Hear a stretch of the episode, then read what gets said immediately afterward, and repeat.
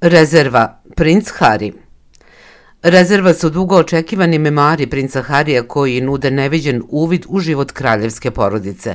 Sa izuzetnom iskrenošću Hari razmišlja o majčinoj smrti, svojim složenim odnosima sa drugim članovima porodice i sukobima sa novinarima. Princ Harry, vojvoda od Susseksa, član je britanske kraljevske porodice, služio je britansku vojsku i pokrovitelj je nekoliko dobrotvornih organizacija. Trenutno živi u Kaliforniji, zajedno sa svojom suprugom Megan vodi neprofitnu organizaciju Archwell. Uvod.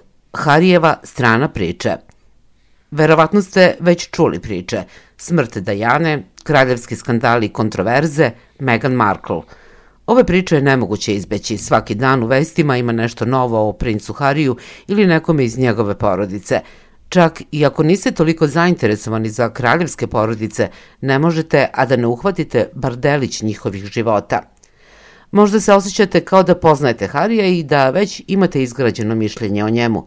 Možda vam je žao čoveka koji je ostao bez majke u mladosti u takvim tragičnim i javnim okolnostima. Ili osuđujete čoveka koji je nekada mislio da je prihvatljivo da se oblači kao nacista – Mislite da je Harry bio u pravu što je prekinuo veze sa kraljevskom porodicom ili mislite da ih je izdao? Bez obzira na vaše mišljenje i šta god mislite da znate, ova knjiga će vam možda promeniti mišljenje.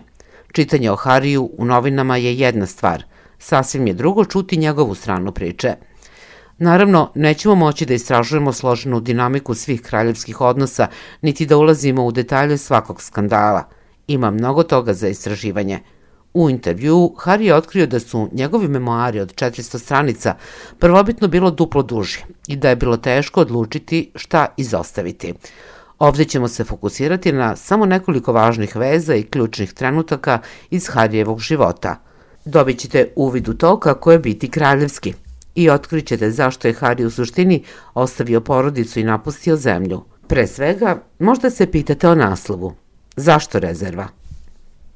Poglavlje 1. Kako kraljevski, tako i rezerva. Harry je imao jedinstveno nenormalan život. Na dan Harijevog rođenja, princ Charles je navodno rekao da Jani divno. Sada postoje i naslednik i rezerva. William je bio prvorođeni, prestolonaslednik, dok je Harry, drugi sin, bio rezerva – Verovatno je Charlesov komentar bio šala, ali Harijevi roditelji i baka i deda često su pričali o njemu na ovaj način, jasno stavljajući do znanja da je on bio rezerva. Od ranog detinjstva Harry je tačno znao koja je njegova uloga. Bio je svesan da njegov otac i brat koji su bili prvi i drugi u redu za tron nikada ne bi mogli da polete istim letom u slučaju da se avion sruši. Ali za Harija nije bilo takvih pravila. Rezervni bi mogao biti pošteđen. Hari kaže da se nije vređao zbog ovoga, prihvatio je svoju ulogu u porodici, ali sada, kao odrasla osoba, razmišljajući o svojoj porodici i svom identitetu, shvata koliko je njegov život bio nenormalan. Na primjer, uzmimo njegov odnos sa ocem. Charles nije samo Harijev otac, već i njegov šef i bankar. Ili je barem bio do Harijevog izlaska iz kraljevskog života, ali o tome ćemo kasnije. Poenta je da to nije tipičan odnos oca i sina. Kada je Hari odrastao, između njih je bilo normalnih trenutaka ljubavi. Hari ima lepa sećanja na oca koji ga je tešio kada je bio dete. Nekada se plašio mraka, a pred spavanje Charles bi sedeo pored njega i nežno ga golicao po licu dok ne bi zaspao. I uvek je Harija nazivao svojim dragim dečakom. Ali, uglavnom se Harry seća da je njegov otac bio roditelj sa kim je bilo teško komunicirati. Chelsea je više volao da kaže svom sinu koliko je ponosan preko pisama ostavljenih na Harijevom jastuku, a ne da mu to isto saopšti direktno lice mu lice. Charles nije bio baš neko ko je volao da se grli, nije mu prijela ta vrsta bliskosti. U tome je čini se ličio na svoju majku, kraljicu Elizabetu. Jednom je uspela da javno izbegne da Janin zagrli, što je bilo prilično nezgodan trenutak za obe. Nedostatak fizičke naklonosti bio je daleko od Harijevog jedinog problema u odrastanju. Zbog njegovog kraljevskog statusa, svaki pokušaj da vodi normalan život bio je na neki način usujećen. U školi je imao naoružane telohranitelj i nishodnik, kada je bio tinejdžer, čekali su ga ispred kafane. Teško je živeti nešto što liči na normalan život kada morate da budete u pratnji telohranitelja gde god da krenete Javni prevoz ne dolazi u obzir, iako je Harry jednom otišao podzemnom železnicom kada je bio na školskom izletu. Kao odrasla osoba, Harry je uspeo da uživa u povremenim trenucima slobode. Naprimer, sam bi otišao u supermarket. Ali svaki izlet je bio planiran kao vojna operacija. Išao bi prerušen, široki kaput i bejsbol kapa i u različito doba dana da bi izbegao novinare. Čak je zapamtio i raspored radnje, tako da je mogao da uđe i izađe što je brže moguće. Nedostatak slobode i privatnosti stvarali su kod Harija stres i frustraciju, ali naravno, ništa nije uticalo na njega tako kao događaj te noći u avgustu 1997. Poglavlje 2. Hariju je trebalo mnogo godina da se pomeri sa Dajaninom smrću. Harry je imao 12 godina. Usred noći probudio ga je otac koji ušao u njegovu sobu. Dragi dečeče, rekao je Charles, mama je doživjela saobraćenu nesreću. Harry se ne seća tačno šta je sledeće rečeno, ali se potpuno jasno seća jedne fraze.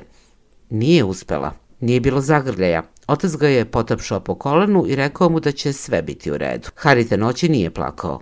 I bilo je čudno kada je na dan sahrane bio primoran da se rukuje sa bezbrojnim strancima koji su jecali, ljudima koji nikada nisu sreli njegovu majku. Osećao se krivim što su plakali, a on nije. Ali, kada se na kraju rasplakao dok je gledao kako se kovčeg spušta, osjećao se postravljeno, plakanje nije bio porodični običaj.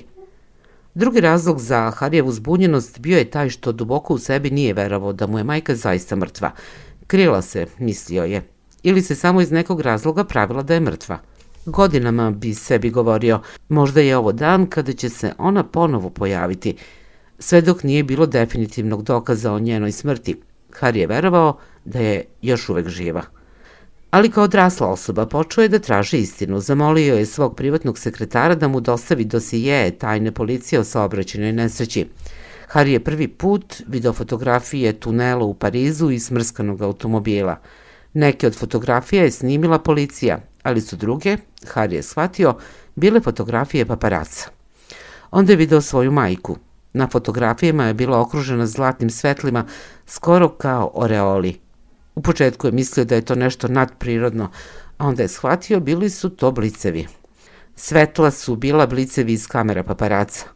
Fotografi su pratili Dajanu u tunel snimajući i snimajući, čak i dok je ležala na samrti – Gledanje ovih fotografija ga je samo ispunilo besom i mržnjom prema paparacima koji su je maltretirali.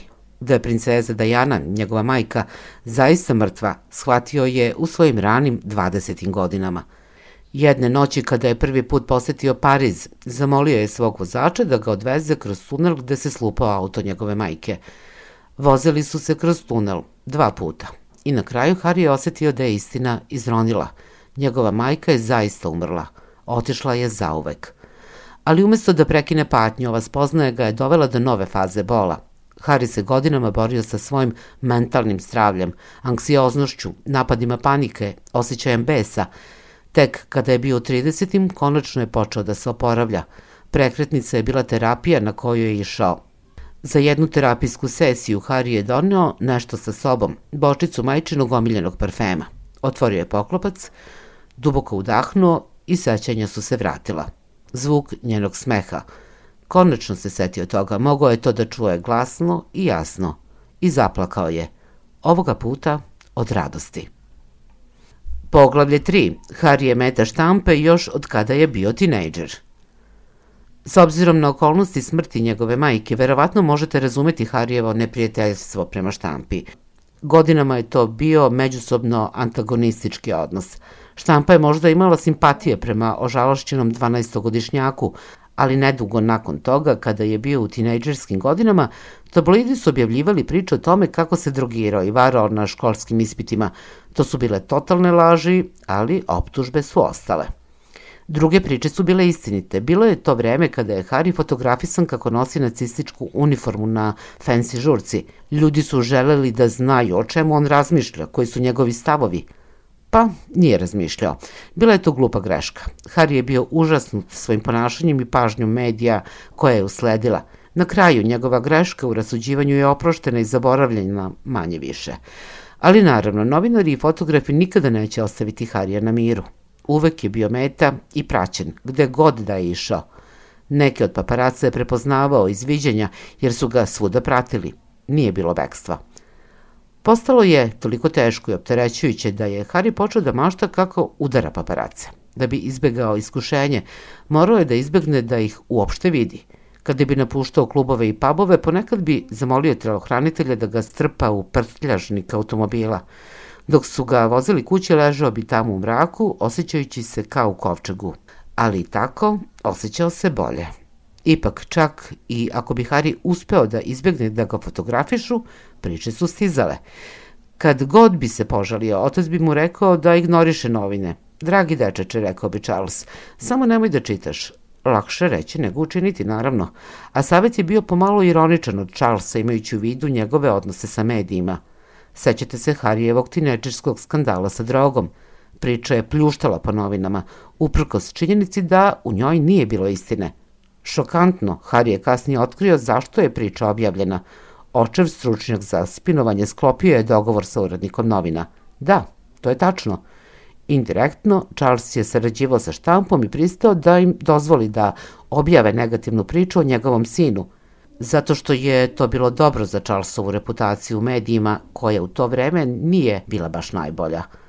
Charles kao neverni muž nije dobro ali Charles kao samohrani otac koji se bori sa detetom koje zloupotrebljava drogu, to je mnogo bolje za Charlesa u svakom slučaju. Sa ove tačke ovaj incident je bio znak za upozorenje za stvari koje dolaze. Poglavlje 4.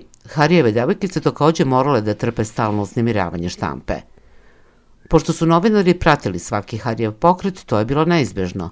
Svaka žena sa kojom je izlazio takođe bi na kraju bila praćena paparacima – I dok je Harry već navikao na uznemiravanje, to je bio šok za njegove devojke.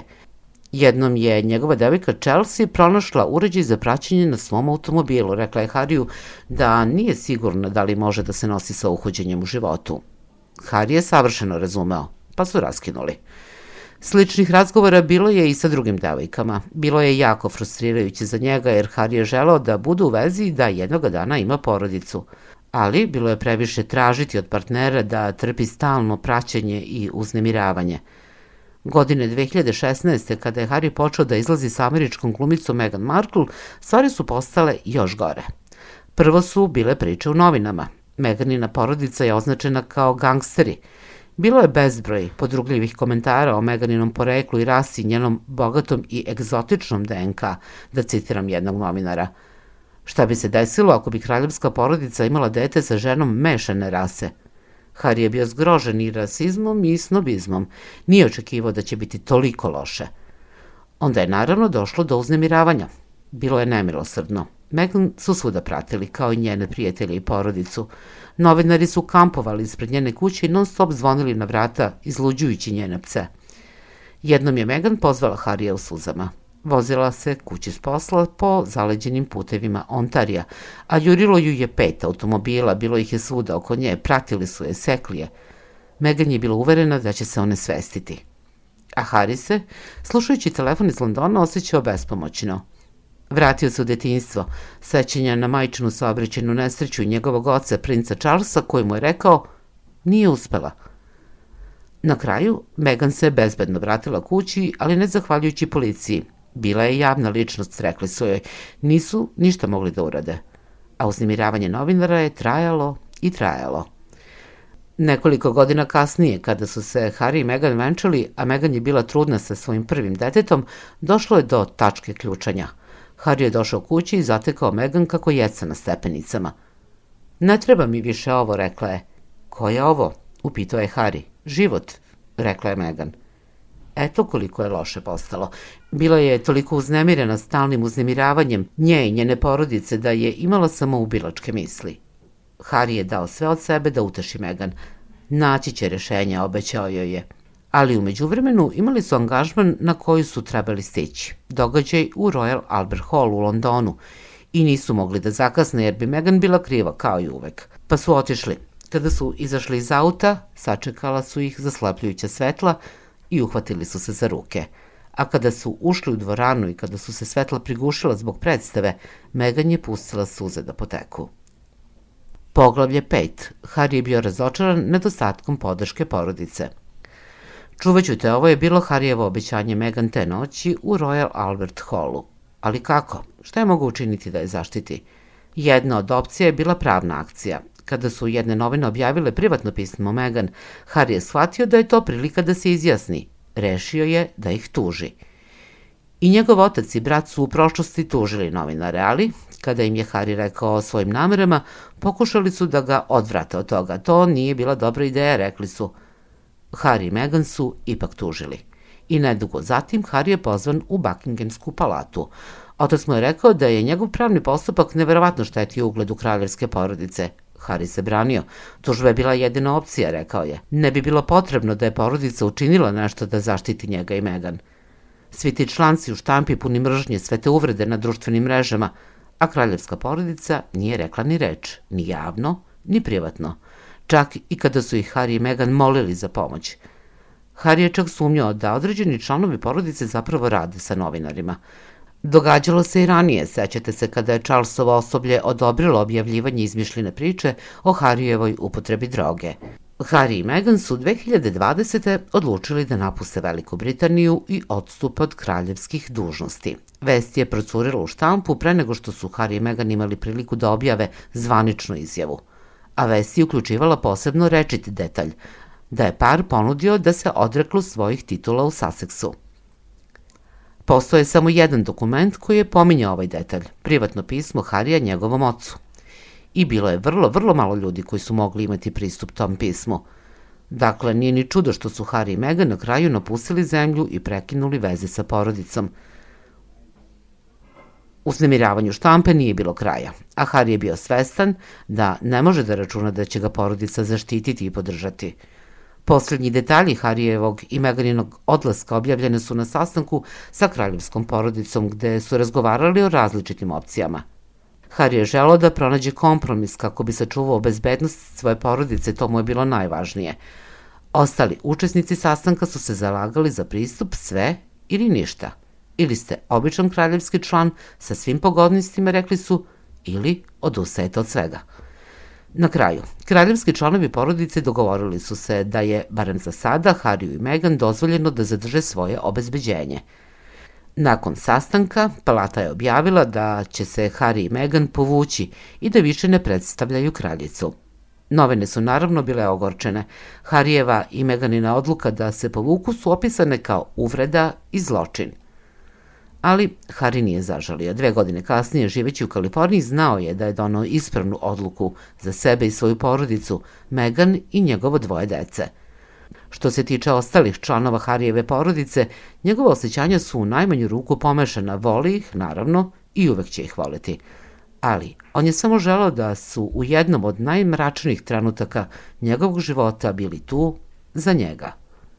Konačni rezime – Razmišljajući o svom dosadašnjem životu, Harry prepoznaje da postoji zajednička tema u skoro svim njegovim problemima, štampa i njihova obsesija da muče članove kraljevske porodice i da ih okreću jedni protiv drugih.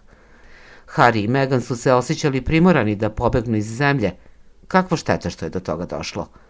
Ali bilo je i pobeda na tom putu, kao što je to što se Harry konačno pomirio sa gubitkom majke – i naravno pronašao je ljubav i osnovao sobstvenu porodicu, nešto što mu se nekada činilo nedostižnim.